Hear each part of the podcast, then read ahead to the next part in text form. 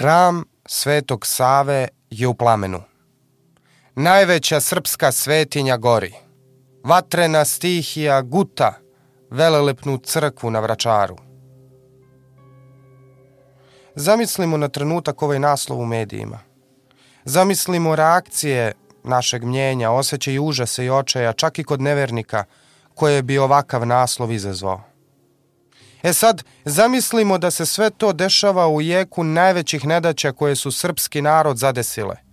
Na primer, za vreme drugog svetskog rata, dok u Srbiji traje građanski rat i rat protiv okupatora, a preko Drine genocid i borba protiv okupatora.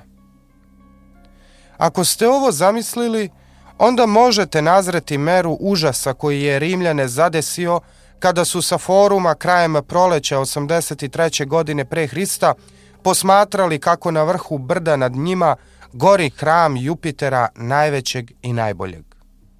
Skerletni sjaj požara bojio je grad u crveno, u boju krvi, rata i razaranja.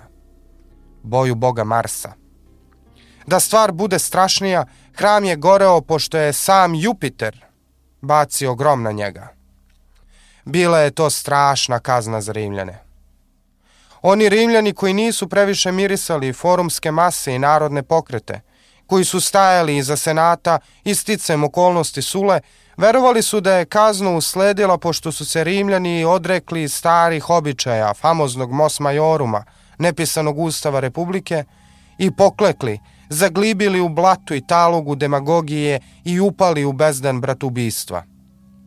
Sa druge strane, populari i oni koji su bili naklonjeni narodu, i koji su se sećali braće Grah kao apostola demokratije, a Saturnina i Mamilija pamtili kao odvažne političare, smatrali su da je Jupiter kaznio senatore koji su svaku godinu počinjali zasedanjem u hramu koji je upravo goreo.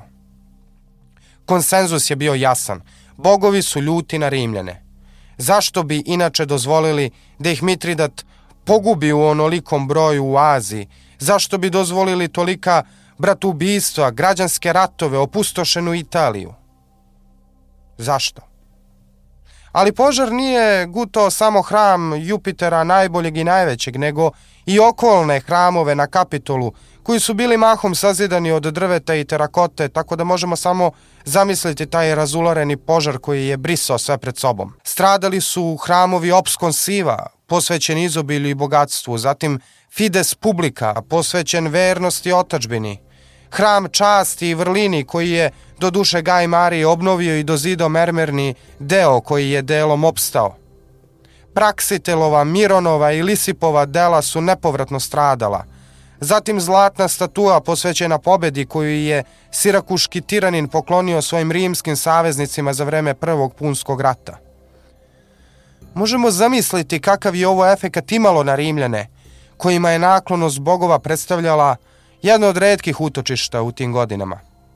Jer već tada u devetoj deceniji pre Hrista u punoj snazi su bili ljudi koji su stasali u okolnostima konstantnih unutarnjih trvenja, koji su rođeni u vreme graha i kojima je politika postala sinonim za tuče i ratove bandi na ulicama, pogažene zakletve, pa čak i dva građanska rata, jedan između Italike i Rimljana i jedan između Marijevih i Sulinih pristalica – Jedina uteha za ove generacije počivala je u okrilju božanske milosti. Za razliku od sveta smrtnika, stvari su u okrilju bogova bile jednostavne i garantovane. Znalo se, novčić se daje Junoni Lucini da blagoslovi rođenje deteta, a Juventusu se daje novčić kada sin stasava i stiče građanska prava koje idu sa punoletstvom. Putujući trgovci i poslovni ljudi klečali su pred oltarom posvećenom Merkuru i ostavljali mu novac pre svakog putovanja. A Veneri ili Bitini se novac ostavljao za pokoj duše svakog građanina. Prostitutke, valjalo se, ostavljale su posle svakog dobro obavljenog posla novac na oltaru Veneri Erucini. Međutim, i da su svi ovi hramovi listom izgoreli, bilo bi manje strašno nego da gori ovaj jedan, hram posvećen Jupiteru najboljem i najvećem. A u njemu gorele su Sibiline knjige, knjige koje su bile starije od Republike, koje je mistična starica prodala poslednjem rimskom kralju Tarkviniju Oholom, u kojima je bila zapisana sama budućnost Rima. Sve je bilo izgubljeno. Ali naravno i u takvim vremenima postojali su ljudi koji su znali da čitavu tragediju okrenu u svoju korist. Taj jedan čovjek koji je konkretno u ovoj situaciji umeo da preokrene čak i požar koji je zahvatio hram Jupitera najboljeg i najvećeg u svoju korist bio je naravno, pogađate, Lucije, Kornelije, Sula. Sula srećni, Venerin miljenik, čovek koji će u pravom smislu te reči postati prvi čovek Rima. Vi slušate novo, sedmo poglavlje u našoj pripovesti o padu Rimske republike. Moje ime je Tiosa Purić, a ovo je Višak istorije.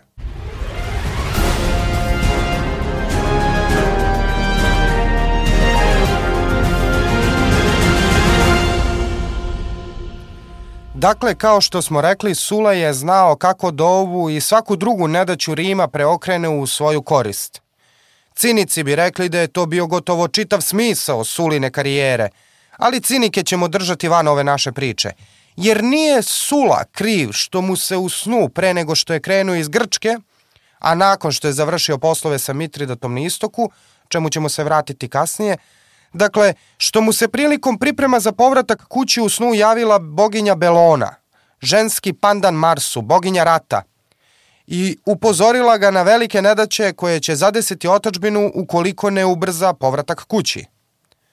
Sećamo se i toga da su dvojica konzula Lucije, Kornelije, Cine i Gnej Oktavije da su se zakleli Suli da neće dirati u njegovo zakonodavstvo. Pre nego što je krenuo na istok u rat protiv Mitridata, Sula je želo da za sobom ostavi čvrste temelje na kojima će stara slava Republike vaskrsnuti. Cina je stupivši na dužnost konzula januara 87. godine pre Hrista bio prvi koji je zadao udarac Sulinom nastojanju da sprovede restauraciju. Upravo onaj cina koji je, zaklinjući se Suli, hitno kamen u daljinu, pozivajući građane da i njega tako izbace iz grada ukoliko pokuša da prekrši zakletvu. E sada je zakletva bila prekršena. I Sula je četiri godine kasnije upravo ovim verolonstvom objašnjavao Jupiterov bes i spaljivanje hramova na kapitolu. No vratit ćemo se kasnije Suli i njegovom drugom maršu na Rim.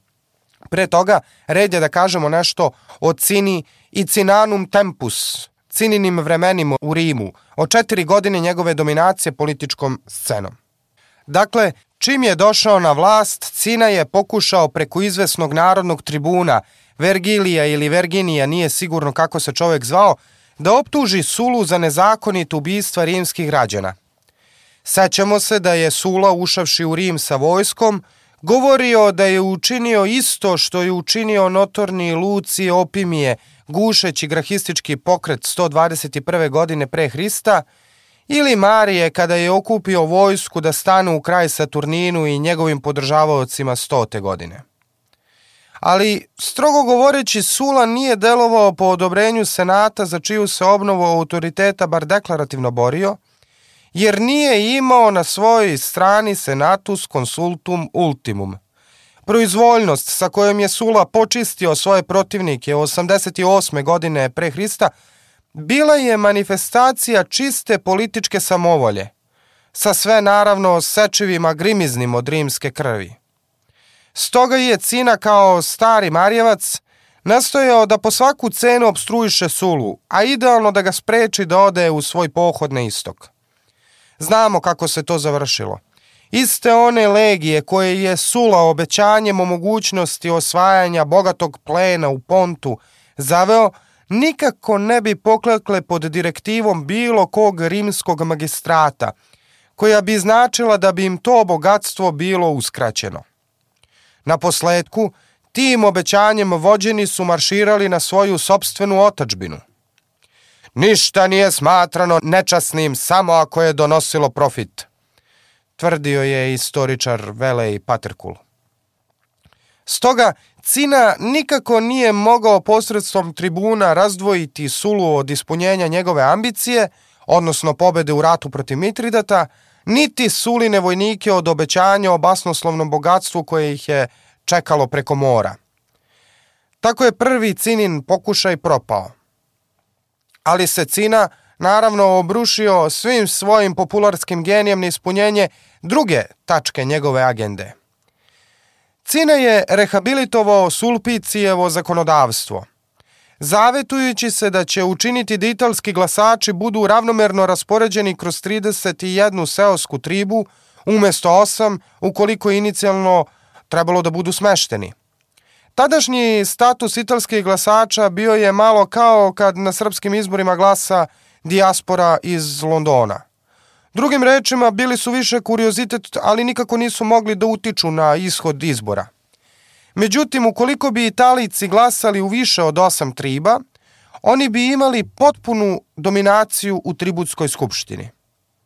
E sad, ovo je već poznata epizoda iz rimske istorije u zadnjim decenijama Republike – Neki popular se u nadi da će vezati Italike za svoje interese i učiniti ih svojim dužnicima, zavetuje da će im dati veću moć u skupštinama, a sve što je vezano za grad Rim, dakle i urbani plebs i senat, složno ustanu protiv toga. Neko bi pomislio da će ih iskustvo građanskog rata opametiti, ali Rimljani i Italici su bili iste gore list – teško su odustajali i svaka varnica je vodila do nekog požara. Naravno, sukob između dvojice konzul u takvim okolnostima je bio neminovnost. Oktavije, gnej Oktavije, je bio oštro protiv ovog cininog predloga. Onda su i Cina i Oktavije okupili svoje pristalice i naravno naoružali ih kratkim mačevima.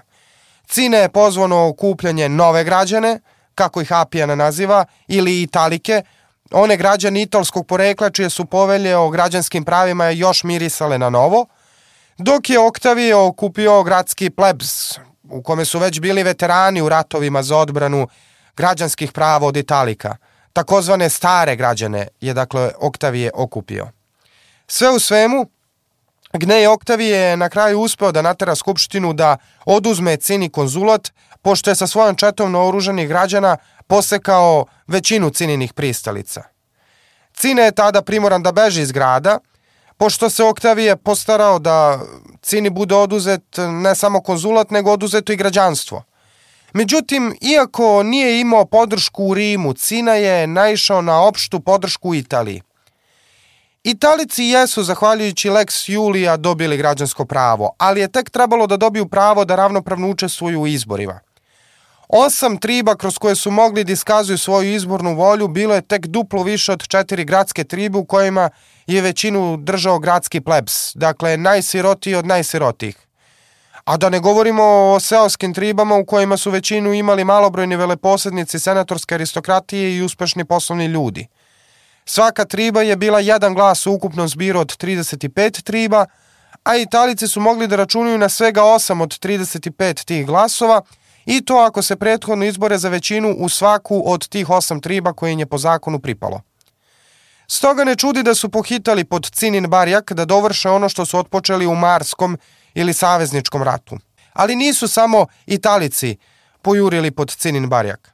Izdanak popularske loze, onaj čiji je otac izazvao boj sa Kimbrima kod Noreje i odveo Rim na pakleni put rata sa Germanima – i bratanac onog Karbona koji je sa Fimbrijom i Gajem Grahom bio član agrarne komisije, a nama poznat kao zakonodavac koji je jeku rata pružio mogućnost Italicima za upis u rimske građane, dakle Gnej Papirije Karbon, takođe je stao u scinu.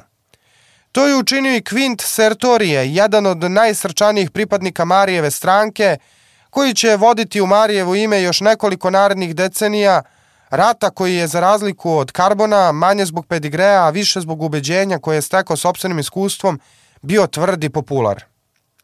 Red je ovde da navedemo da Plutarh stavlja Sertorija u red sa jednookim vojničkim genijima. Filip, Aleksandrov otac i otemiljivač makedonske hegemonije na Balkanu, Antigon, Aleksandrov naslednik, Dijadoh i neustrašivi krotitelj azijskih prostranstava, Hannibal, koji je uterao strah u kosti Rimljanima, Svi su bili jednooki kao Sertorije. Uz njegovo ime Plutarhu je samo falilo da napiše da je bio bič Tirjanah, zbog manira na koji piše njemu.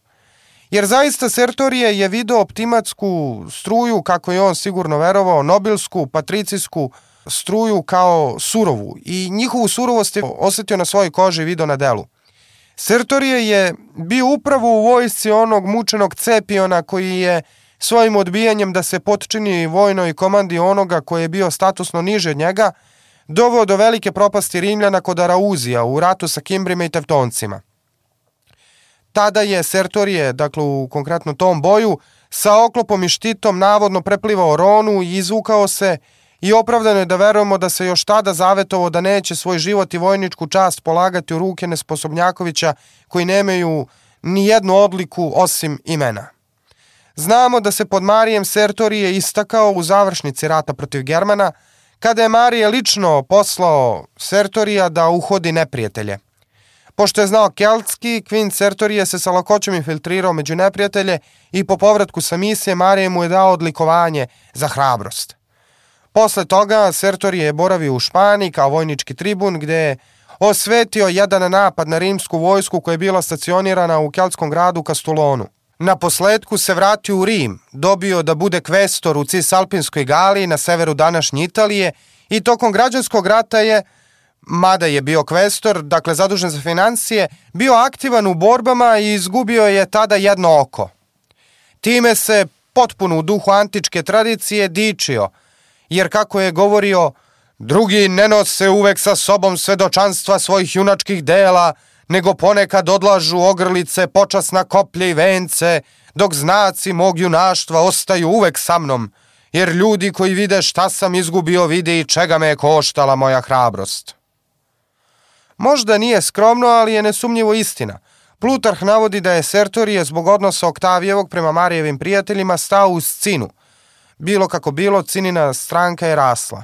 Umeđu vremenu Oktaviju nije odstalo mnogo opcija – Za svog kolegu konzula proglasio je trećeg Lucija Kornelija, kog srećemo u našoj pripovesti. Lucija Kornelija Merulu, koji je bio Jupiterov sveštenik i koji paradoksalno nije mogao da učestvuje u javnim događajima, tako da je sva vlast pripala de facto Oktaviju. Oktavije je očigledno bio do kraja vera rimskim bogovima i njihovim zastupnicima, sveštenicima, pa je otud verovatno i postavio čoveka koji je bio ograničen svojom funkcijom koja je nosila sa sobom čitav niz tabua, dakle bio ograničen da vrši bilo kakve javne funkcije. Granije, Licinijan, istoričar iz drugog veka posle Hrista, navodi da se za vreme Oktavijeve samovlade po prvi put desilo da su rimski sveštenici uradili ono što nikada pre nije učinjeno. Čitali su javno Sibiline knjige, koje su krile proročanstva o budućnosti Rima. Ukoliko cina i šest narodnih tribuna budu izgnani iz otačbine, mir, spokoj i sigurnost će zavladati zemljom. Javili su sveštenici da pišu u Sibilinim knjigama. Posle toga, svog kolegu Merulu sveštenici su pozdravili kao konzula. Međutim, koliko legija ima kolegi Jupiterovih sveštenika? Oktavije nije sebi postavio to pitanje, ali Cina očigledno jeste – Sećamo se da je Sula pod Nolom ostavio legiju, koja verovatno nije blagonaklono gledala na to što je ostavljena iza i nije učestvovala u dobrom biznisu vojevanja protiv Mitridata. Stoga je Cina požurio do Nole i održao srceparajuć govor koji nam prenosi Apijen. Pokazujući svoje konzulske insignije, dolazeći među legionare kao što konzul dolazi u skupštinu, Cina je održao govor bivšim sulinim legionarima plačući. Od dva sam, građani, ovu vlast dobio. Narod me izabra, a senat mi oduze vlast bez vašeg pristanka. Trpeći to, više mi je žao vas nego sebe. Zašto da se u buduće brinemo za izbore u tribama? Šta ćete nam vi biti potrebni? Kakva će vam biti vlast u skupštinama, izborima ili glasanjima, ako ne budete zadržali ono što ste dali, ako oduzmete što ste sami rešili. Posle se kao u najgorem hollywoodskom filmu Cina bacio među vojnike kao rock zvezda na koncertu, samo ga Rimljani nisu odmah prihvatili, nego je tresnuo tlo i tako ležao na zemlji, dok ga vojnici nisu prihvatili i pridigli, pa su mu konačno vratili snopove pruća koji su bili obeležje njegove konzulske vlasti, koje mu je do duše bilo oduzeta, i obećali mu da može da bude spokojan i da će ga pratiti gde treba. Pa su jedan po jedan do jučerašnji suleni vojni tribuni polagali zakletvu na vernost Cini.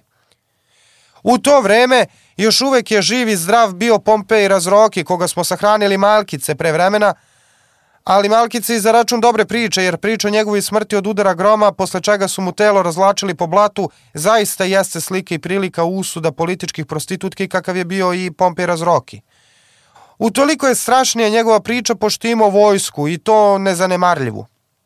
Na kraju je uspeo da mačeve svoje vojske pretopi u konzulat koji mu je Cina obećao ako združe snage. Trebalo je do 86. godinu pre Hrista na konzulskim položajima obeleže Cina i Pompej Strabon. Združeni njih dvojica ne samo da su bili zavidna sila u Italiji, već su bili jači od Sule. Na posledku Oktavije je shvatio da mora i sam potražiti legije koje bi parirale Cini i poslao je zahtev Metelu Piju da se vrati u Rim i brani otačbinu. Kao i legija pod Nolom i Metel Pije, poslednji izdanak slavne dinastije Metela, Sada je gasio jedan od poslednjih plamičaka koji su tinjali nakon velikog požara Savezničkog rata, boreći se sa ozloglašenim samnitima. Naredba Senata Metelu Piju glasila je dogovori se sa samnitima kako znaš i umeš i vrati se kući. Pije je istina pokušao da se sporazume, no samniti su hteli da se aboliraju pored njihovih vojnika i svi oni koji su od Rimljana dezertirali i prešli na stranu Italika. Krut u skladu sa svojim porodičnim nasleđem i pedigreom, Metel nije hteo da popusti, ali ima ko jeste. Cina je brže bolje poslao tvrdog Marijevca do duše tragične sudbine Gaja Flavija Fimbriju da pregovara sa samnitima. Poruka je bila jednostavna. Sve ćemo vas abolirati samo ako se udružite sa nama protiv Oktavija. Samniti su se naravno složili i bilo je to zlo predskazanje za rimske građane koji su opravdano strahovali od sukoba sa samnitskim goštacima. Umeđu vremenu za povratak u Rim se spremao ni manje ni više nego treći osnivač Rima, Gaj Marije. Njega smo ostavili u izgnanstvu na jednom ostrvu nedaleko od Kartagine. Čim je Marije čuo da se Cina odvažio protiv Senata i Sulete da skuplja vojsku koja će se s ovima sukobiti, Marije je okupio jednu grupu svojih pristalici i odbeglih robova i odlučio da zaplovi ka severu, da se vrati u otačbinu. Ta grupa robova oslobođenika koju je Marije okupio nazvana je Bardijejcima i oni su se pokazali kao posebno neumoljivi i nemilosrdni kada su se konačno uključili u čitavu političku igru i na posledku u rat u Italiji. Marije je mudro, vraćajući se, odlučio da se ne iskrca u Rimu, nego je zaplovio na sever ka Etruriji, gde je imao jako uporištu narodu koji ga se sećao ne samo kao spasioc u ratu sa Germanima, već i kao blagonaklonog pokrovitelja Italika. Prethodno je Marije naravno poslao glasnika Cini zavetujući se da će ispuniti svaku naredbu konzula, to jest Cine, što je ovome bilo dovoljno da Mariju pošalje prokonzulske insignije. Ipak Marije se nije pojavio u Italiji u velelepnoj raskoši i dostojanstvu kako priliči trećem osnivaču Rima, već kako kaže Apijan, prljavi zapuštene kose i jadan na izgled, Marije je obilazio gradove spominjući svoje bitke i pobjede na Kimbrima i kako je šest puta bio konzul. I načelno, Marije se dodvoravao Italicima. Šest hiljada truraca mu se na posledku priključilo i sa tom vojskom se potom Marije priključio Cini. Sve u svemu, kada istoričari prikazuju Mariju u ovoj fazi njegovog života kao pomahnitolog ludaka željnog samovlasti, treba imati na umu da se ipak on podčinio Cini.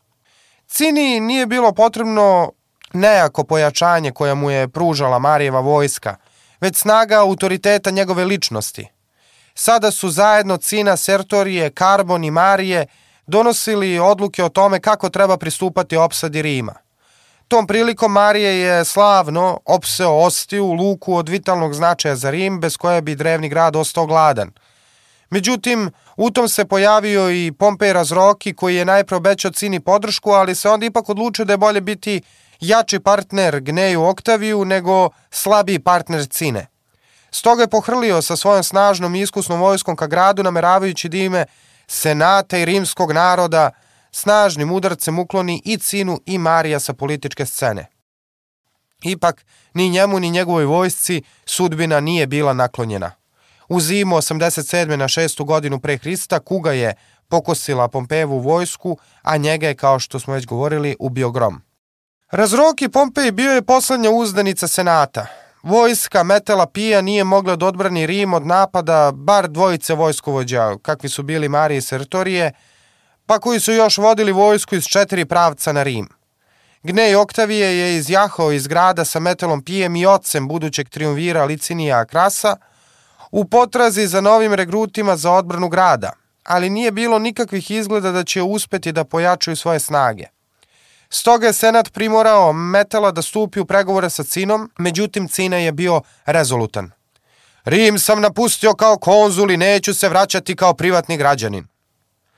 Na posledku je Lucije Kornelije Merula pristao da odstupi sa mesta konzula samo ako će to izgladiti odnos unutar Republike.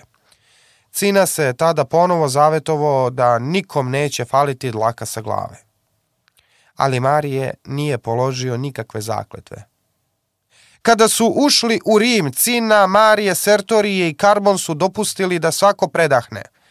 Nekoliko sati – a onda su otpočeli pokolj koji će do duše biti tek predukus predstojećih horora koji će zadesiti građane Rima. Mari u tom smislu nije odudarao od svojih prethodnika ili onih koji su za njim sledili, na poziciji moći na kojoj je on bio. Naravno, pre nego što je ušao u Rim, Marije je zatražio od Cine da se povuče odluka o proglašenju Marije i njegovih pristalica za neprijatelje Rima – Naravno, Skupština je sa lakoćom povukla ovu odluku i sada je Sula bio označen kao državni neprijatelj. Čovek koji je u tom trenutku ratovao protiv najogorčenijeg i svakako jednog od najsposobnijih protivnika Rima, Mitridata. Kada im je jednom dozvoljen ulazak u grad, Marije i njegovi bardijejci upustili su se u krvavi pir, napravivši od Rima kasapnicu. Gotovo niko nije pošteđen od Marijevih neprijatelja, i krivih i nevinih. Do duše nekima dozvoljeno da prođi kroz sudski proces. Jedan od njih je konzul Merula, Flamen Dialis, Jupiterov sveštenik. Istini za volju on je pomirljivo istupio kada je trebalo očuvati mir, povukavši se sa mesta konzula i ustupivši to mesto Cini. Ali treba imati u vidu da je skoro nezamisliva blasfemija bilo to što je uopšte prihvatio da bude konzul. Za ovaj konkretno kolegi sveštenika postojao je čitav niz tabua koji ih je sprečavao da obavljaju bilo koju magistratsku funkciju. Prvo, flaminima je bilo uopšte zabranjeno da vrše ovu funkciju, ali i da jedu kozi ili pseće meso, da komanduju vojskom, da dodiruju pogrebnu lomaču ili mrtvaca, iako su mogli da budu prisutni na sahranima. Morali su da seku kosu i nokte noževima i makazama od bronze i nisu smeli da nose prsten ili bilo kakav čvor na odeći, što će reći da su morali uvek da budu neokovani i nevezani.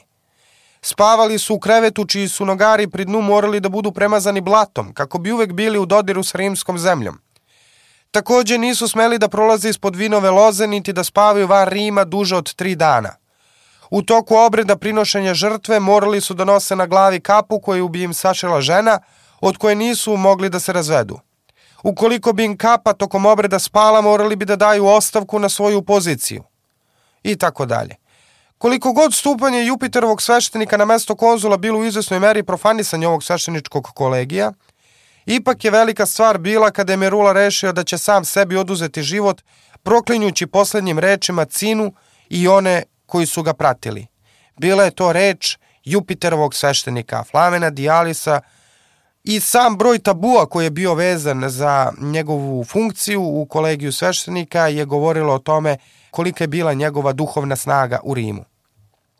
Pored Merula i Katul, koji je sa Marijem odnao konačnu pobedu nad Germanima, dobio je sličan tretman. Suđenje pre izricanja presude.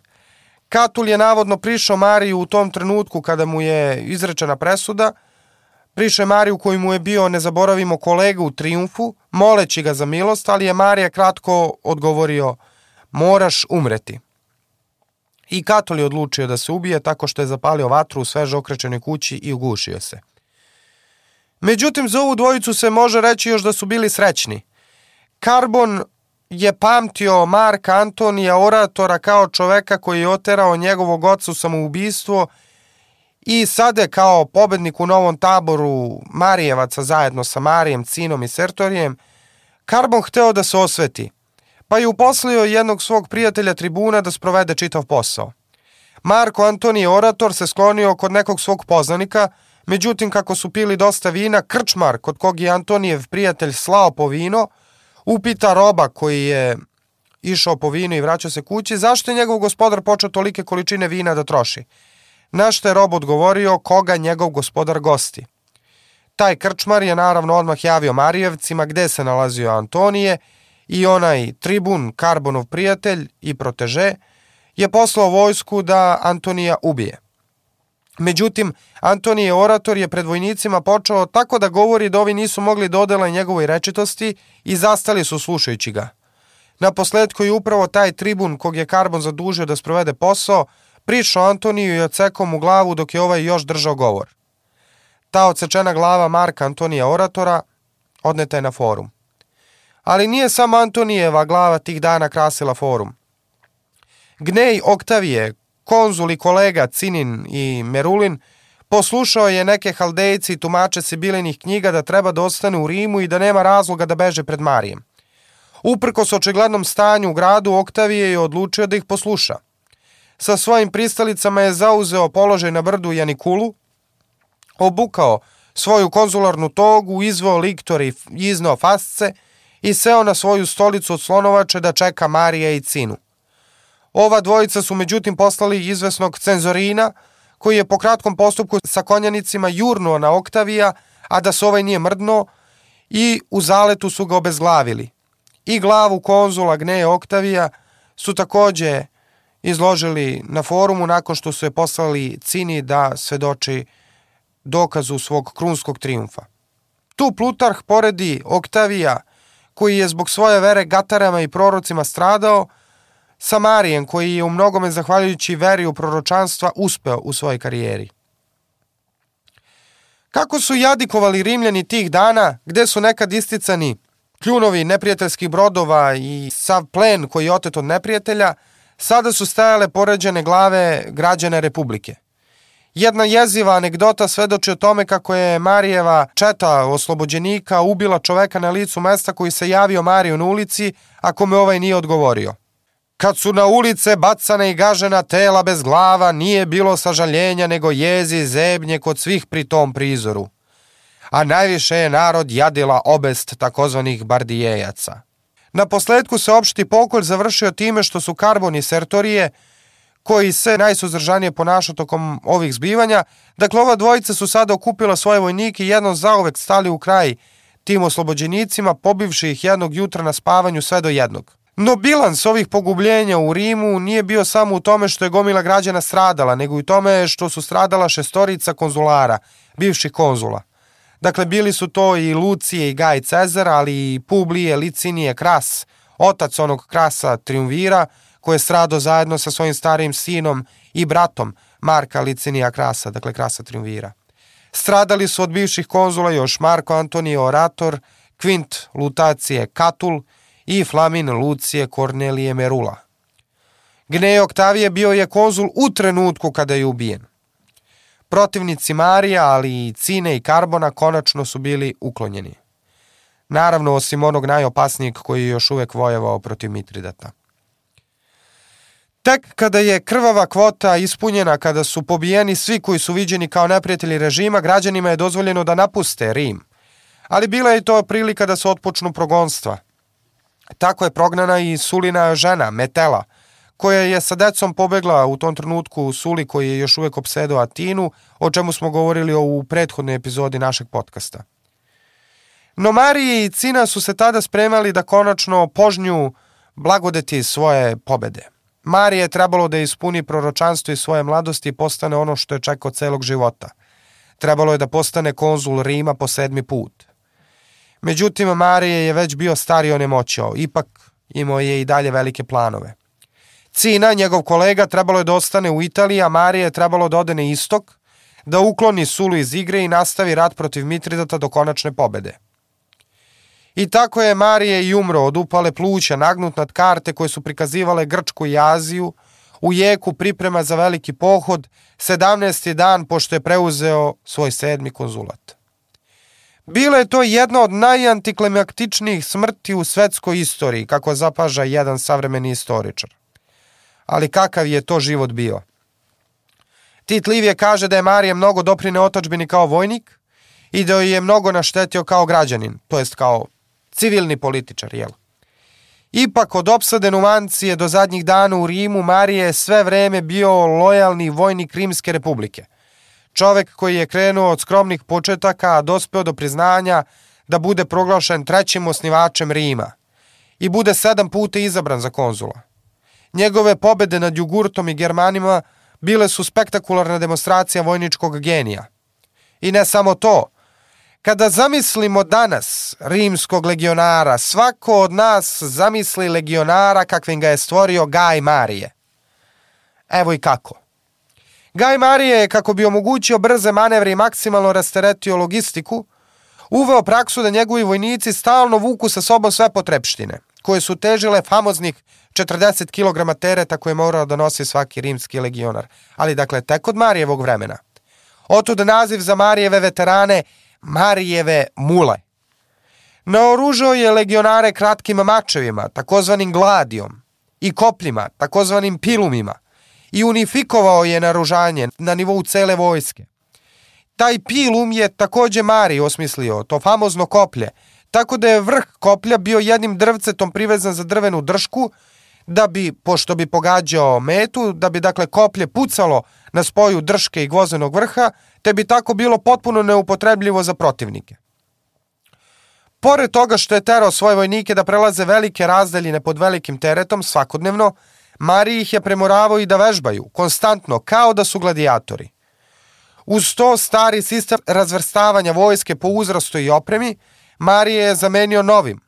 Kao što je dakle unifikovao naoružanje rimskih legionara, Marije je osmislio legije koje su imale po 6000 vojnika, koje su se delile na 10 kohorti, a svaka kohorta na po 6 centurija, kojima su upravljali centurioni, niži vojni oficiri. Ako ste ikad videli prikaz rimskog legionara ispod znamenja Srebrnog orla, Marije je uveo to znamenje Srebrnog orla. Možda ga je ono podsjećalo na proročanstvo koje su mu izrekli dok je bio dečak kada je spasio sedam orlića iz gnezda za svaki konzulat koji će obnašati po jednog. Na posledku, Marije je otvorio prostor u vojsci onima koji su bili ispod imovinskog cenzusa, koji nisu mogli sami sebi da kupe oružje.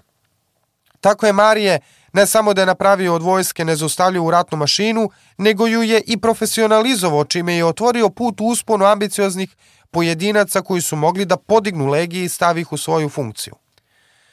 Sve o svemu Livije u izvesnoj meri jeste bio u pravu. Marijevi podvizi kao vojskovođe bili su spasonosni za Republiku koliko su bili opasni njegovi poduhvati kao političara. Međutim, gotovo sve reforme koje je izgurao i za koje se zalagao, pokazale su se kao zdravorazumske sa stanovišta političkog konteksta onovremene Republike, jer je svaka njegova ideja na kraju pobedila. Da su ostale vojskovođe bile široke ruke sa rimskim građanstvom koje bi bilo dodeljivano Italicima koji su se istakli u borbi, kao što je to radio Marije, već bi gotovo svi Italici dobili građansko pravo do Marijevog vremena. Marije je u tome mudro prepoznavao predstojeću opasnost za Republiku. Kao vojskovođa, a o tome smo već pričali, Marije nije bio poznat kao heroj koji će jurišati, već pre kao taktičar i strateg koji čeka iz prikrejka. Znao je kako da slabost neprijatelja okrene u svoju korist i onda ga jednim fatalnim udarcem smrvi. Sula je sporio Mariju zasluge za pobede nad Jugurtom, a Katul za pobede nad Germanima, Senat za ulogu koju je imao na severnom bojištu savezničkog rata, okrivljavali su ga za Saturnina, ali narod je znao ko je Marije i otud njegova popularnost. Spoj narodne ljubavi koju uživo i ratnog umeća bit će recept prema kome će i njegov svastić, Gaj Julije Cezar, doći do samog vrha, ne Rima, nego svetske istorije. Plutarh navodi, zaključujući pripovest o životu Gaja Marija, da je Platon na koncu svog života bio zahvalan bogovima što se rodio kao čovek pa kao Helen, a uz to u Sokratovo vreme. E Marije, onaj Marije koji je iskazivao prezrenje prema grčkoj filozofiji, koji se ponosio svojim skromnim korenima, pa makar to bilo i u propagandne svrhe, ipak nije mogao, za razliku od Platona, da se skrasi u sadašnjosti i da se zadovolji trenutnim uspesima – Čini se da je do kraja života ostao vezan za to proročanstvo o sedam predskazanih konzulata. Kada je jednom svoje predskazanje ostvario, Marije se naprosto ugasio. Marijeva smrt bila je spasonosna za cinu. Ovaj je Marijevom smrću dobio sve Marijeve pristalice da pritom nije morao da brine o ambicijama samog Marija. Vojsku koja je trebalo da ide na istok sa Marijem Cina je kao apsolutni gospodar situacije podelio, tako da je jedan deo poverio Luciju Korneliju Scipionu Azijatiku sa zadatkom da ide u Makedoniju, a Lucije Valerije Flak, koji je izabran za konzul umesto Marija, dobio je kao konzulsku provinciju Aziju. On je trebalo da ode tamo gde je bio Sula i dovrši posao i konačno privede Sulu pravdi. Naročitu pažnju, međutim, Cine je posvetio suštinski pitanjima koje su se ticala Italije i Italika, jer uz njihovu pomoć i jeste osvojio vlast. Vojska koja je umarširala u Rim pod komandom Marije i Cine bila je sastavljena mahom upravo od Italika.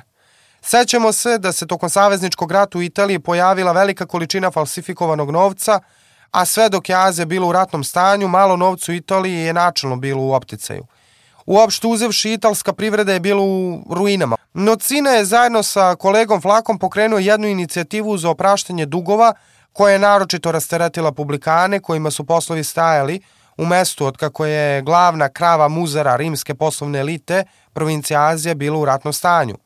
Što se falsifikovanog novca tiče, osnovana je jedna posebna komisija koja se bavila proverom valjanosti novca i regulisala propise po kojima su mogle da rade menjačnice – No celu je akciju tu regulacije novca privatizovao e, i predstavio kao lični uspeh nečak Gaja Marija, koji je vrlo brzo uklonjen iz politike kao vrlo nepouzdan. Umeđu vremenu Sula je u Aziji proživljavao vrhunac svoje karijere.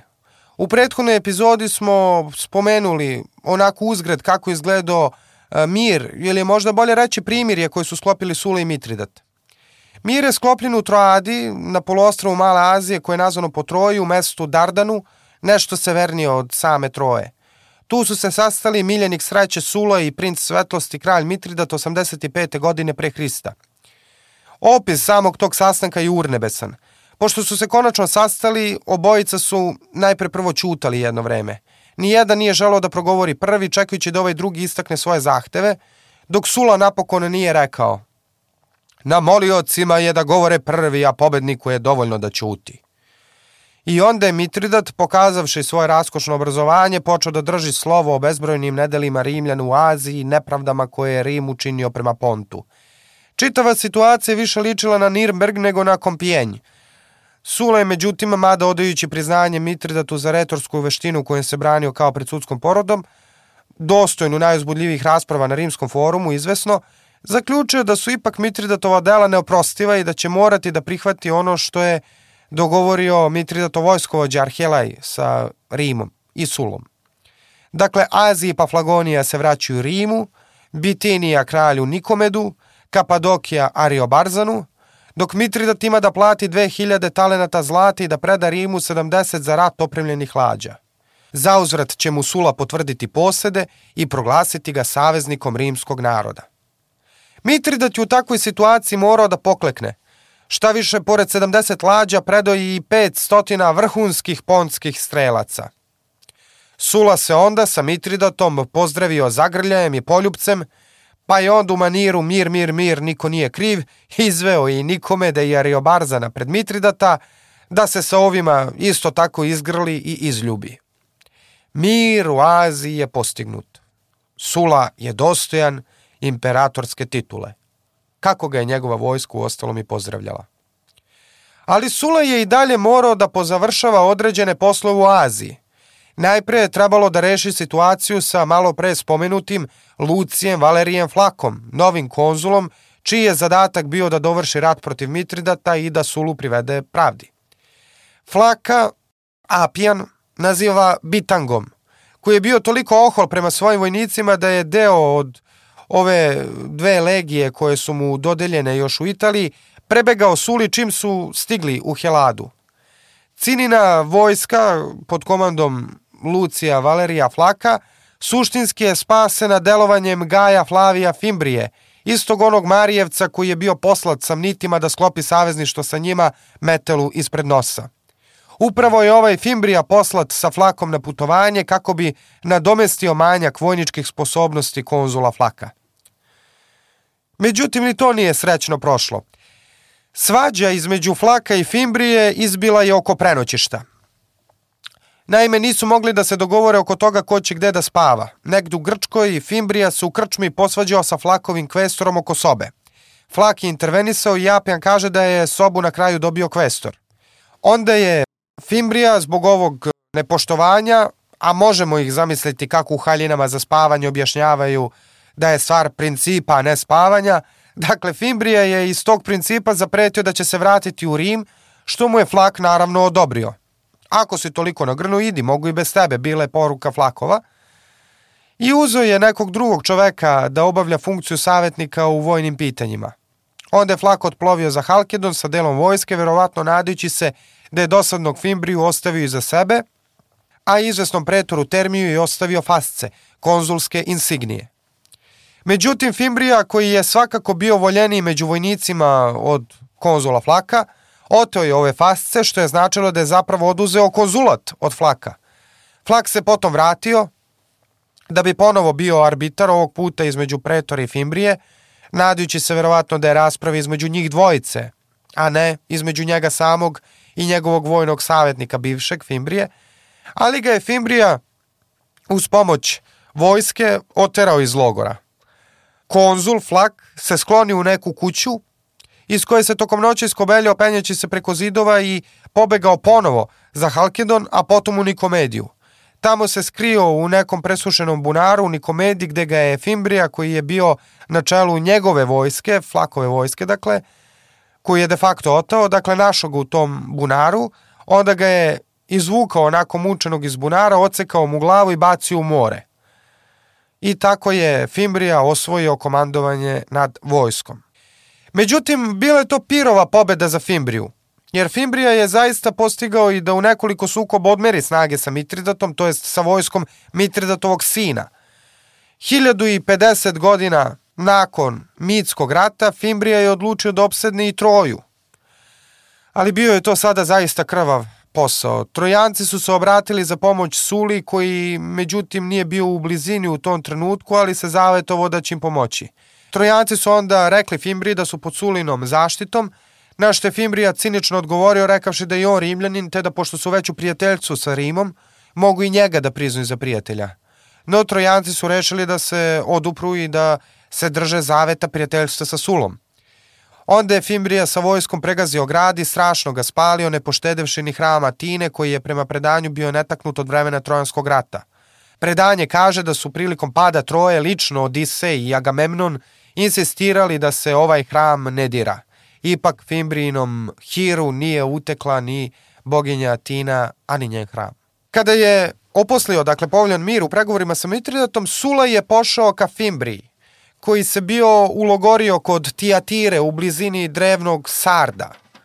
Sula je tada naložio Fimbriji da raspusti vojsku i samovoljno priđe, na što je Fimbrija odgovorio Suli da je on sam zapravo nelegalno na svojoj funkciji, pošto nije konzul, niti konzular sa prokonzulskim ovlašćenjima, te da je proglašen neprijateljem države. Život je slučaj komedijant, kaže Crnjanski, zaista Sula je Fimbriju radio ono što je Fimbriju radio Flaku – Fimbrijina vojska je počela da prelazi na Sulinu stranu. Osramoćeni zapovednik je onda pobegao u Pergam, ušao u Eskulapov hram i tamo izvršio samoubistvo uz pomoć svog roba, koji se potom i sam ubio. Sula je onda naložio da se Fimbrija sahrani. Moguće je da je već u tom trenutku Sula pripremao teren za povratak u Italiju. Dozvolivši da se Fimbrija sahrani u skladu sa običajima, Sula je isticao razliku između sebe i onoga što su tada već pokojni Marije i Cina radili u Rimu. Bila je to 84. godina pre Hrista.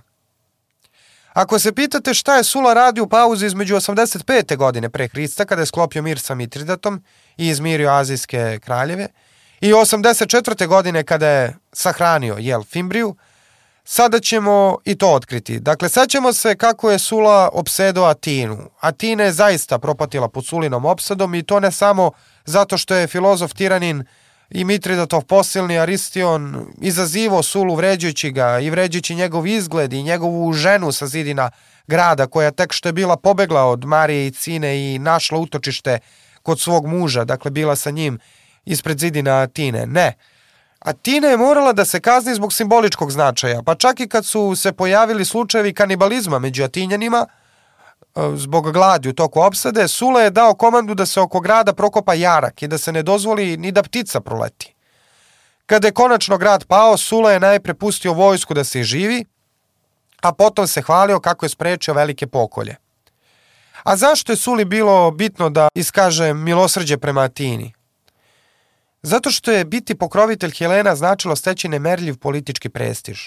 Stoga je Sula 84. godine pre Hrista, početkom te godine, pre nego što se razračunao dakle, sa Fimbrijom, a nakon što je sklopio mir sa Mitridatom, okupio viđenije Helene u Efesu, Grke iz maloazijskih gradova i u jednom opsežnom govoru koji nam Apijan prenosi u celosti, Sula je pred ovim Helenima dao pregled istorije odnose između Rima i Grka, zaključno sa pobunom Grka pod Mitridatom.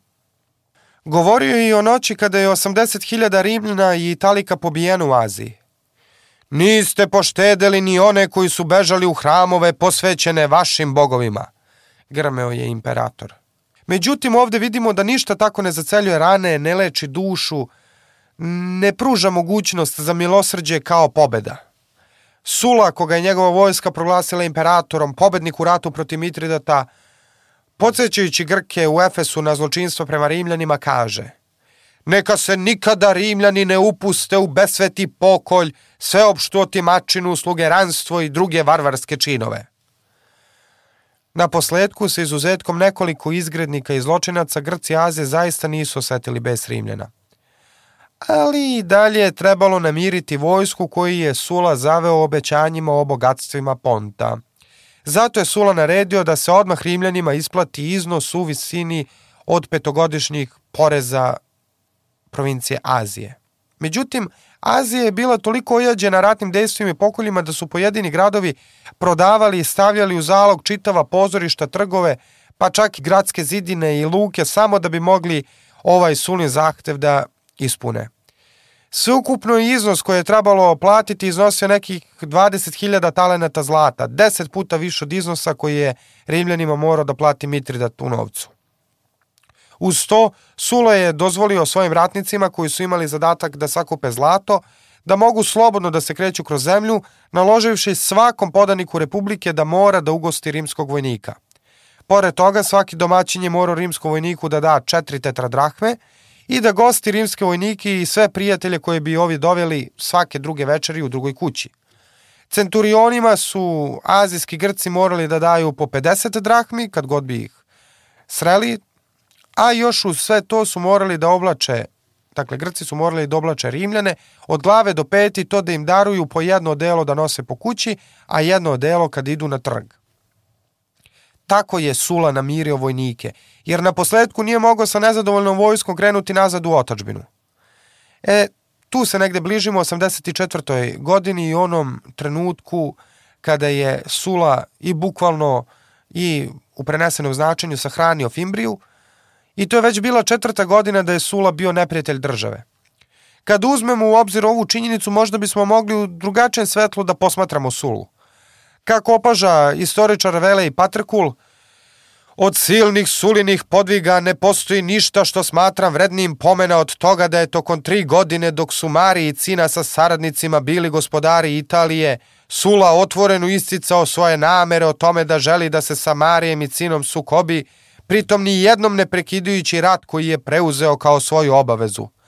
Smatrao je svojom svetom dužnošću da mora uništiti neprijatelja pre nego što se osveti građanima, i da pošto odbaci stranu napast, tek tada može da se okrane i dokaže kao gospodar u ratu kod kuće. Kraj citata. I zaista Sula je isplovio kako pripoveda Plutarh iz Efesa u Atinu, ostavivši prema nekim izvorima dve Fimbrine legije koje ote od Fimbrije, dakle iza sebe u Aziji, da čuvaju red i održavaju mir. Plutarh kaže da su u Atini Sula posvetio u Eleusinske misterije, i da je tamo pokupio neku knjigu sabranih dela Aristotelovih i Teofrastovih i da su upravo prepisi ovog primjerka koji je Sula prenuo u Rim kolali gradom i u Plutarhovo vreme, krajem prvog i početkom drugog veka posle Hrista. No da nastavimo pripovest o putu Sule i njegovih legionara. Dakle, Sula je nastavio iz Atine do Jonske obale i na današnjoj albanskoj obali kod Dirahija, današnjeg Drača, je čekao brodove da ga prevezu preko mora u Brindiziji, u Italiju. E tu nam Plutarh svedoči jednom čudnom događaju. Valjda su u Nimfeju kod Apolonije, nedaleko od Dirahija, rimske vojnici u zelenom šumskom gaju, poznatom po tome što s vremena na vreme iz zemlje u ovom gaju izbija tečna vatra. Dakle, tu su pokupili i pred Sulu doveli pravog pravcatog satira. Satir je, kao što znamo, polu jarac, polu čovek, sa jarećim rogovima koji duvu diple, pije vino, juri seljančice i kad mora prati boga Dionisa. Sula se navodno prepao od stvorenja jer kad ga jednom u šatoru naterao da progovori, ovaj je ispustio samo hrapav glas, a reči su ličile na zvuke koji spuštaju konji i jarčevi, te je satir brže bolje ispraćen nazad svoje kući i pušte na miru. Naravno, glupo bi bilo nastojati da se dokaže istinitost ove tvrdnje naučnim metodom, bilo kojim imajući vidu da Suli i njegovi vojnici nisu među živima već više od 2000 godina da posvedoče o čitavoj ovoj situaciji. No da se vratimo onome o čemu Plutarh dalje piše. Stvari su u Rimu tekle svojim tokom i Rim je u tim godinama bio u nekom stanju čudnog treperavog mira iščekujući Sulu. Cina, koji je po Marijevoj smrti postao neprikosnoveni gospodar Rima, verovatno je progurao većinu svojih zakonskih predloga o raspoređivanju Italika u 31 seosku tribu. Iako izvori nisu decidni u tome, to se može pretpostaviti. Dakle, može se reći da je Cina iselio Italike iz Londona, o kome smo malo čas pričali, i učinio od njih respektabilnu političku silu. Uz njihovu podršku Cina je čekao Sulu. Ali Sula nije čekao. Već kad je pobedio Mitridata, Sula je, kao da nije proglašen neprijateljem države, poslao svoje emisare da odnesu u Rim vesti o Sulinim pobedama, o miru, o uspesima u Aziji i Heladi. No Senat se tad našao u čudu, pa je uzvratio poslavši svoje emisare Suli, podsjećajući ga na status koji ima u gradu. Sula je uprko svemu što je učinio za otačbinu pristao na ove zahtev Senata da spusti oružje samo ako se dozvoli njemu i njegovim pratiocima da mirno dođu u Italiju, ako im se vrati imovina i garantuje bezbednost kao građanima Republike. Na posledku, ipak je Sula završio povoljno po Rimljane rat protiv jednog od najvećih rimskih neprijatelja. Međutim, slabe su bile šanse da sve to prođe u Senatu onako kako je Sula zamislio i Sula je to znao. Šta više, Cine i Karbon su se sada izborili da budu konzuli 84. godine pre Hrista. Imajući u vidu da je Cina učinio ono što tolikim rimskim popularima nije uspelo, zaokružujući italska građanska prava, dajući im da ravnopravno učestvuju na glasanju, on je de facto postao patron svih Italika, a Sula koji bi marširao na Rim za Italike nije bio samo protivnik Cine u tom trenutku, nego i njihovog glasačkog prava, ili su tako bar oni verovali. Cina je odmah počeo da okuplja vojsku i nije imao nameru da čeka Sulu u Italiji. Želo je da Sulu dočeka u Heladi, zbog čega i u zimskim mesecima, početkom 84. godine pre Hrista, kad nije mudro ploviti, odluče da vojsku preveze preko mora iz Italije u Grčku. I mada je jedan deo srećno pristao u Grčkoj, veliki deo vojnika je stradao u Brodolomu, za koji se moglo pretpostaviti da će se desiti imajući u vidu čud Mediterana u zimskim mesecima. Kako je deo vojnika bio besan zbog opšteg tretmana i odnosa glavnokomandujućih prema njima, Cina je okupio vojnu skupštinu tražeći od njih samo poslušnost. Međutim, neki vojnik je udario liktora koji je pratio Cinu na šta je ovaj reagovao zahtevom da se izgrednik kazni. Vojnici su se tada pobunili i kamenovali konzula, a najbliže su povadili mačeve i izboli Cinu na smrt. Sula je zaista bio Sula srećni. Sve se to desilo pre nego što je on uopšte zaplovio ka Italiji. Umeđu vremenu, Karbon je ostao sam na čelu Republike u Rimu, uspešno se održavši kao jedini konzul na vlasti tokom čitave 84. godine pre Hrista. Mora mu se odati priznanje na tome što je okupio veliki antisulinski front, čak nekih 150.000 vojnika, kako svedoče izvori. I to nije bila samo snaga koju je okupio među Italicima. Karbonu se priključio i urbani plebs.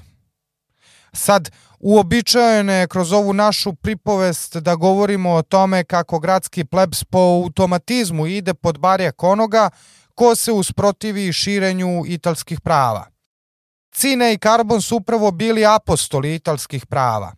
Ali se gradski plebs ipak bojao Sule. Najpre čuli su priče o padu Atine i Sulinom tretmanu gradskog plebsa u Atini. Pored toga, gradskom plepsu su bile krvave ruke od svih onih izgreda počinjenih za vreme Marijevog ulaska u grad, a protiv svih onih koji su bili na neki način pristalice Sule. Tako da se desilo da su po prvi put sada gradski plebs i italici bili na istoj strani u jedinstvenom frontu. No, Cinina vremena jest ipak bio naziv ove epohi i to ne bez razloga. Cinini lojalni ljudi su bili raspoređeni po ključnim mestima u čitavoj republici.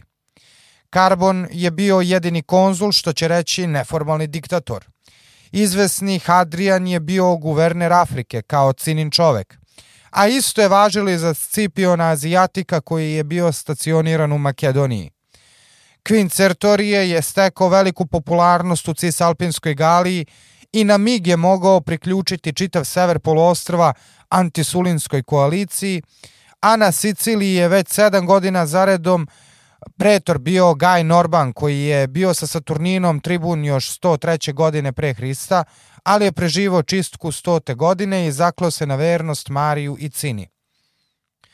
Quint Sertorije je stekao veliku popularnost u Cisalpinskoj Galiji i na mig je mogao priključiti čitav sever poluostrava antisulinskoj koaliciji, a na Siciliji je u tom trenutku već sedam godina guverner bio Gaj Norban, koji je sa Saturninom služio kao tribun 103. godine pre Hrista, ali je preživao čistku 100. godine i zakleo se na vernost Mariju i Cini. Ovaj jedini preživeli Saturninovac je držao rimsku žitnicu na ostrvu, takođe kao Cinin odani čovek. Međutim, X faktor predstojećeg rata bio je Gnej Pompej. I to ne bilo koji Gnej Pompej, već onaj Gnej Pompej koji će istoriji ostati poznat kao Pompej Veliki. Ciceron u svojoj laskavosti nevoljnom pokrovitelju u poznijim godinama piše da bi Pompej bio izuzetan na forumu, samo da ga nije zavela pomama ratne slave.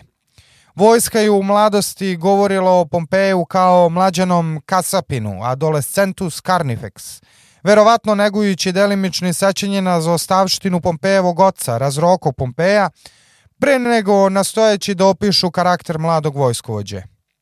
Gnej Pompej možda nije držao magistrature u tom trenutku, ali je od oca nasledio razgranatu mrežu klijenata i mogao je da digne silu koja bi lako preokrenula ratnu sreću. U prvo vreme ovog sukoba Pompej je ostao tih i pustio obe strane da lome prste misleći o tome na čiju će stranu pretegnuti. Drugi o kome se razmišljalo pored Gneja Pompeja bio je Marko Licinije Kras – Njegovog oca i starijeg brata Marije i Cina su smakli, a Marko Licinije Kras se sklonio u Hispaniju, gde je njegov otac imao široku mrežu klijenata. Porodica Krasa, čije ime znači bogati, stekle veliko imanje baveći se poslovima importa i eksporta i mladi Kras je mogao sebi da obezbedi dovoljno sredstava ne samo da preživi, nego i da vaskrsne porodično ime u političkom životu Rima – Klijenti su mu navodno od boravka u nekoj pećini u Španiji načinili pravi raj i ugođaj, starajući se da mu ništa ne zafali, donosići mu najfinije vino i hranu i robinje da zadovolji svoje muške, jel te, potrebe. Slabija polovina, dakle prvog triumvirata, Pompej i Kras u predstojećem ratu će načiniti svoje prve političke korake. Karbon je umeđu vremenu organizovao izbore u Rimu. Umesto da sam ostane konzul, što je mogo imajući u vidu obim ovlašćenja kojima je raspolagao kao jedini konzul za celu 84. godinu pre Hrista, Karbon je isturio vojnog komadante iz Makedonije, Scipiona Azijatika i Gaja Norbana za konzulske kandidate. Bila je 83. godina pre Hrista kada su ova dvojica postali konzuli.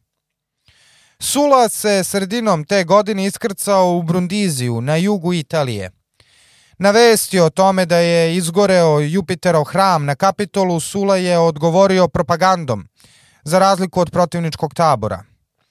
Naime, sin Gaja Marija, Marija Mlađi, koji je oca pratio izgnanstvu, brže bolje je pohrlio na Kapitol i dok su gorele rimske svetinje basnoslovna bogatstva u njima pohranjena, Mladi Marije je pokupio blago koje je otopljeno tamo čekalo, ne zamarajući se previše propagandnim trikovima.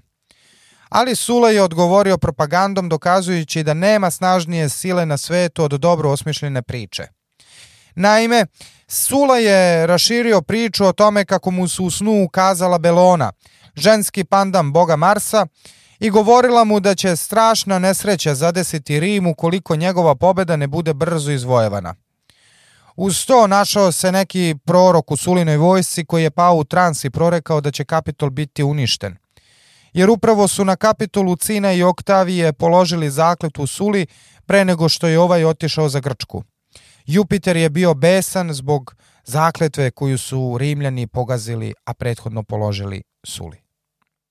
Rimu je bila potrebno objašnjenje za velike tragedije koje su se desile na kapitolu i Sule je to znao. Ali je znao i da je potrebno da Italija zaceli rane savezničkog rata koje su još bile sveže. Stoga je Sula naredio svojim vojnicima, kako Plutarh kaže, tražeći zakletvu od njih, da neće ništa učiniti naža u Italiji. Ali još bitnije Sula je proklamovao dolazeći u Italiju da neće menjati zakone o italskom glasačkom pravu, koje je prethodno doneo Cina.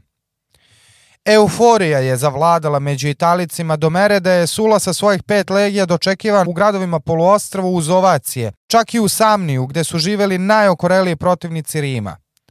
Suli su potom počeli da prilaze redom. Najpre Metel Pije, koji je bio rođak Suline ženi i koji se sklonio od Marije i Cinu u Afriku, a sada je procenio da je ipak Sulu u pravu, mada je i dalje bio de facto neprijatelj države, ali su Suli takođe prišli Pompe i Kras, Pompejev otac je, kao što smo govorili, zahvaljujući zakonu koji je donao u vreme Savezničkog rata čitavu Cisalpinsku Galiju, koju je Sertorije trebalo da drži za popularsku stranu, premrežio dakle svojim klijentima. Rozroki Pompej je donao zakon kojim je građansko pravo dato svim građanima koji su Cisalpinsku Galiju naselili nakon što su Kimbri opustošili ovu regiju. E to su sada bili klijenti Gneja Pompeja. Stoga ne treba čuditi kada se ima u vidu ovaj politički kapital koji je sa sobom nosio Gnej Pompej, da je Sula tretirao mladog Pompeja gotovo kao sebi ravnog. To saznaćemo kasnije iz potonjih izvora, da nije prijalo krasu koga je Sula tretirao kao mlađeg oficira i bit će to seme razdora koje će tek proklijati u vremenu koje dolazi između Pompeja i Krasa.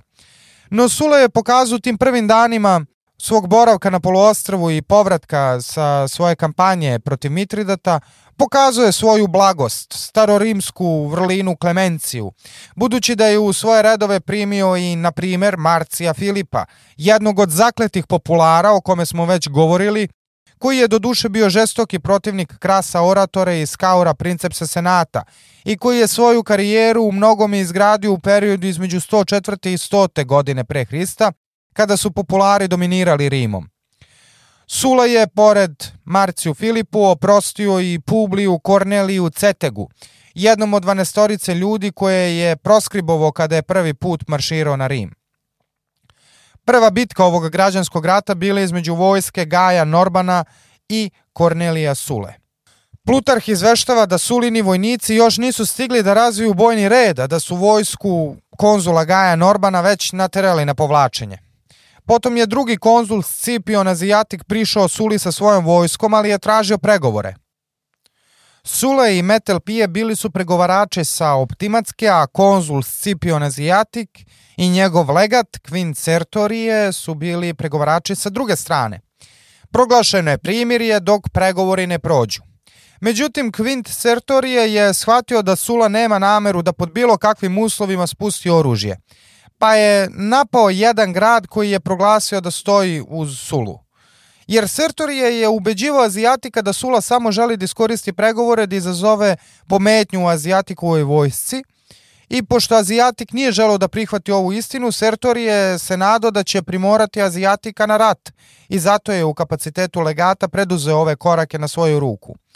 Međutim, pregovori su propali i onda je Azijatik naredio vojsci da se spremi za borbu, ali je vojska listom prešla na Sulinu stranu.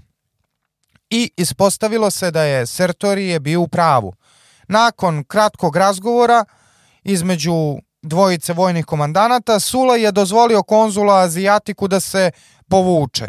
I bio je to još jedan vešti propagandni trik sa Suline strane, još jedna demonstracija njegove blagosti, klemencije, stare rimske vrline. Karbon, koji u tom trenutku bio spiritus movens Marijevskog pokreta, je proglasio da slavno da u Suli ima i lava i lisice i da ga mnogo više plaši lisicu u Suli od lava. Karbon, koji je bio spiritus movens Marijevskog pokreta, je tada proglasio da u Suli ima i lava i lisice i da ga mnogo više plaši lisica u Suli od lava. Međutim, Karbon će tek shvatiti koliko je opasan bio i lav u Suli. Konzuli za narednu godinu, dakle 82. pre Hrista, bili su Gaj Marije Mlađi i Karbon. I ne čudi, pošto se pokazalo da su Azijatik i Norban bili krajnje nesposobni da vode rat. Dok je Norban bar gubio bitke, Azijatik je gubio čitave vojske.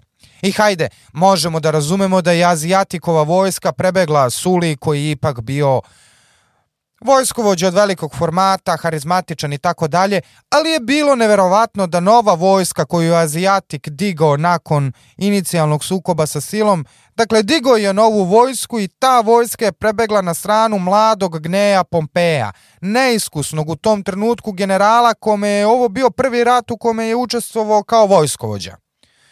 Posle ovog blago rečeno incidenta, Azijatik se sklonio u Galiju, a Queen Sertorije je odlučio da se povuče u Španiju i da digne ruke od uzaludne borbe u tom trenutku, jer nije bilo izgleda da će pobediti u ratu protiv Sule, made Queen Sertorije, kao što smo rekli, bio je jedan od najupornijih protivnika Sule, čak i u trenutku kada je ostatak Marijevskog tabora propao, no o tome ćemo već govoriti. Možemo zamisliti kako je nove vesti Carbon, koji je bio okosnica antisulinske koalicije Spiritus Movens, kolutao očima na ove vesti o tome da je Azijatik izgubio još jednu vojsku i ne čudi da je odlučio da se vrati na kormilo države i svojim sigurnim rukama je vrati brod Republike na pravi put. Dakle, postoje konzul 82. godine pre Hrista, ali kako bi dobio dodatni legitimitet, Karbon je, dakle, na mesto svog kolegi uzdigao Gaja Marija Mlađeg, vatrenog, ali daleko nesposobnijeg sina slavnog Gaja Marija. Iako je Senat sve suline pristalice proglasio neprijateljima države, odluke Senata, kao što smo videli, nisu više nikog obavezivale. Kada je Karbon primorao Senat početkom 82. godine pre Hrista da suline pristalice i sve njegove komandante koji su mu prišli doda na spisak neprijatelja, bio je to trenutak uljuljkavanja u bezbrižnoj sigurnosti u Rimu jer je zima 82. godine pre Hrista bila toliko jaka da su prestala sva ratna dejstva. Ipak sa Sulinom vojskom koja je bila u taborena na jugu i Pompejevom na severu poluostrava izgledi za pobedu u ratu nisu bili dobri za populare. Već na proleće 82. godine počela su ratna dejstva. Gaj Marije mlađi se sa svojim legijama namerio na Sulu. Pokušao je da uhvati vatren kakav je bio, da uhvati Sulu i njegove vojnike tokom noći na spavanju i da izdejstuje jednu odlučujuću i slavnu pobedu koja će dati za pravo tome što i on nosi ime slavnog vojskovođa Gaja Marija.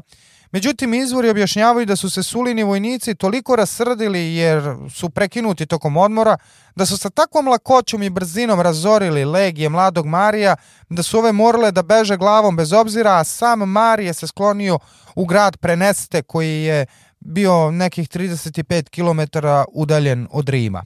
Umeđu vremenu Sule je preko svoje špijunske mreže potplatio jednog od oficira u Karbonovom taboru, koji je pozvao na večeru sve viđenije vojne komandante antisulinske koalicije i u sceni kao što je Seča Knezova pobio ih po kratkom postupku. Za Karbona je ovo bio konačni udarac. Njegovo uporno nastojanje da uzdrama Pompejeve posede u Picenumu prošlo je katastrofalno. Na posledku i Karbon je shvatio da mora da se skloni. Sertorije se sklonio dakle u Španiju, Azijatik u Galiju, Norban u Grčku, dok je mladi Marije bio u neposrednoj blizini Rima zarobljen. Antisulinska koalicija je te 82. godine pre Hrista konačno propala. Ali jedan deo samnita, koji tako reći nisu bili poraženi u savezničkom ratu, nisu želeli da naslednika Gaja Marija prepuste sudbini pa su podigli vojsku i shvativši da je Rim nebranjen pod komandom izvesnog Telesina, krenuli su na prestonicu Republike. Zadnji dan je svanuo Rimljanima. Ovi vuci koji su rastrgli italsku slobodu neće nestati dok ne spalimo šumu koja ih skriva. Klicao je Telesin pred Rimom. Ali kao Jan Sobjeski koji je jurišao i spasio Beč od turske opsade ili kralj Teoden pred Minas Tiritom dojahao je Sula sa svojom vojskom i u posljednjem aktu građanskog rata koji će se ispostaviti ujedno i konačnim sukobom savezničkog rata. Sula je dakle razbio vojsku Samnita, to jest onog dela Samnita koji su i dalje bili neka vrsta političkih zilota i koji su istrajavali u svojoj borbi protiv Rimljana i nakon svih zakona koji su doneti o italskom, građanskom i glasačkom pravu.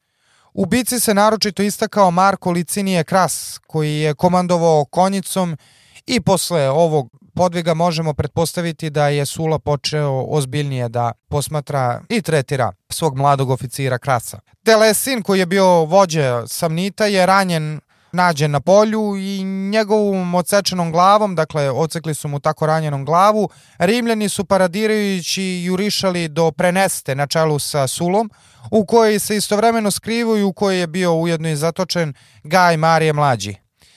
Mlađi je uhvaćen dok je pokušavao da pobegne kroz neke tuneli ispod grada. Sula je uhvatio sina svog rivala i učinio mu isto što i Telesinu kao i Telesinova odsečena glava, dakle malo kao trofij, malo kao pretnja. Glava mladog Marija je istaknuta na čelu kolone vojnika koja je posle velike pobede stupala ka Rimu i Sula je upravo pod ovim znamenjem, dakle znamenjem odrubljene glave sina svog najvećeg političkog protivnika ušao u Rim. I bio je to vesnik jednog novog vremena, vesnik vremena Suline diktature.